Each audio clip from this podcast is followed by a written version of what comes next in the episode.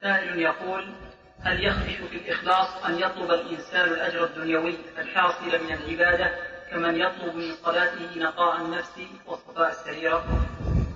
نعم هذا لا شك أنه ينقص الإخلاص يعني من يقصد شيئا من الدنيا بعمله الصالح لا شك أنه ينقص الإخلاص كما أشار إلى ذلك صاحب تيسير العزيز الحميد في شرح التوحيد ولو نوى وجه الله والدار الآخرة حصل له ذلك بالتبع. فهناك فرق بين من يجعل هذه النية أصلا ومن يجعلها تبعا.